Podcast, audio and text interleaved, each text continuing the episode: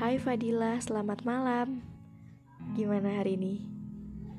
E, menyenangkan atau biasa aja?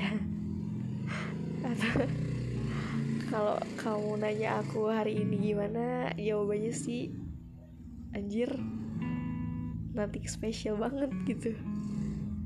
Ya tapi nggak apa-apa lah, toh kini udah pilihan aku kali ya. Ya just uh, aku harap sih kamu mm, baik gitu.